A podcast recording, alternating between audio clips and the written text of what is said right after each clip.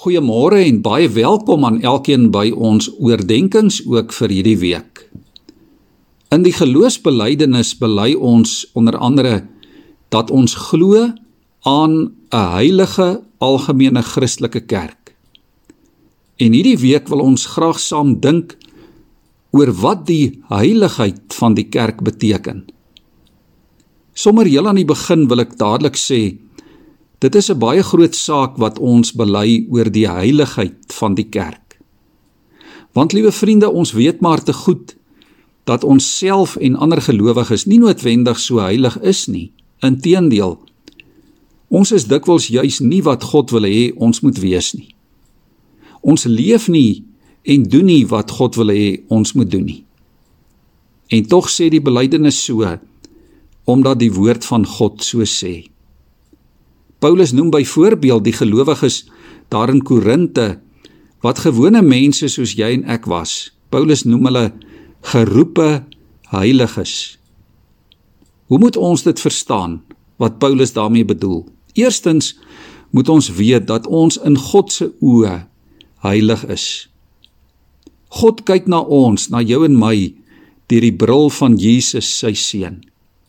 En daarom praat Paulus van geheiligdes in Christus.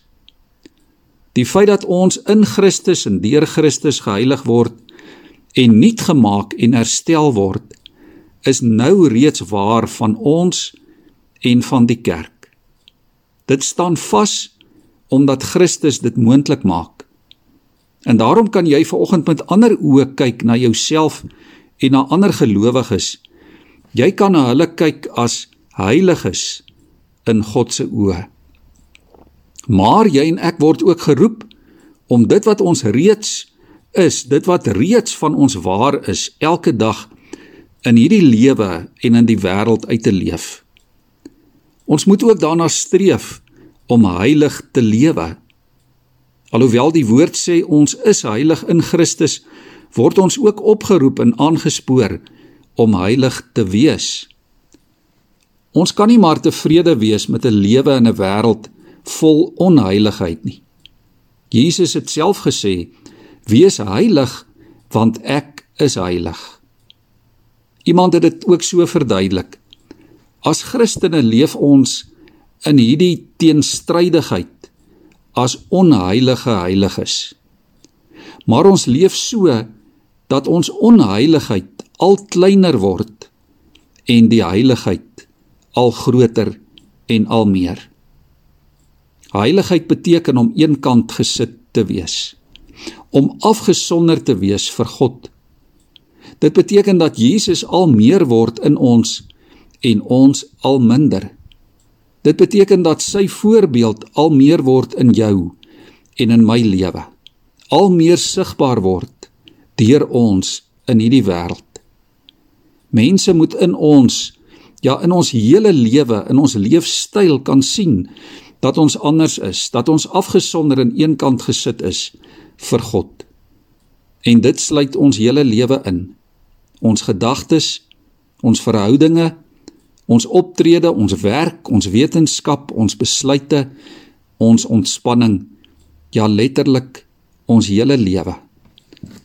Mag die Here ons elkeen sy kerk hierin help. Ek sluit af deur vir ons te lees uit 1 Petrus 1 vers 13 tot 16. Wees daarom verstandelik wakker en nugter en vestig julle hoop volkome op die genade wat julle deel sal word by die wederkoms van Jesus Christus. As gehoorsame kinders moet julle nie julle lewe inrig volgens die begeertes wat julle vroeër gehad het toe julle God nie geken het nie. Nee. Soos hy wat julle geroep het heilig is, moet julle ook in julle hele lewenswandel heilig wees. Daar staan immers geskrywe: Wees heilig, want ek is heilig. Kom ons sluit ons oë en dan bid jy saam met my ook hierdie gebed. Here Kom en heilig my al meer. Here gee dat my onheiligheid al minder word en u beeld in my al meer en al groter. Here, maak my anders in die alledaagse. Maak my soos u, Here, sodat ander ook so wil wees. Amen.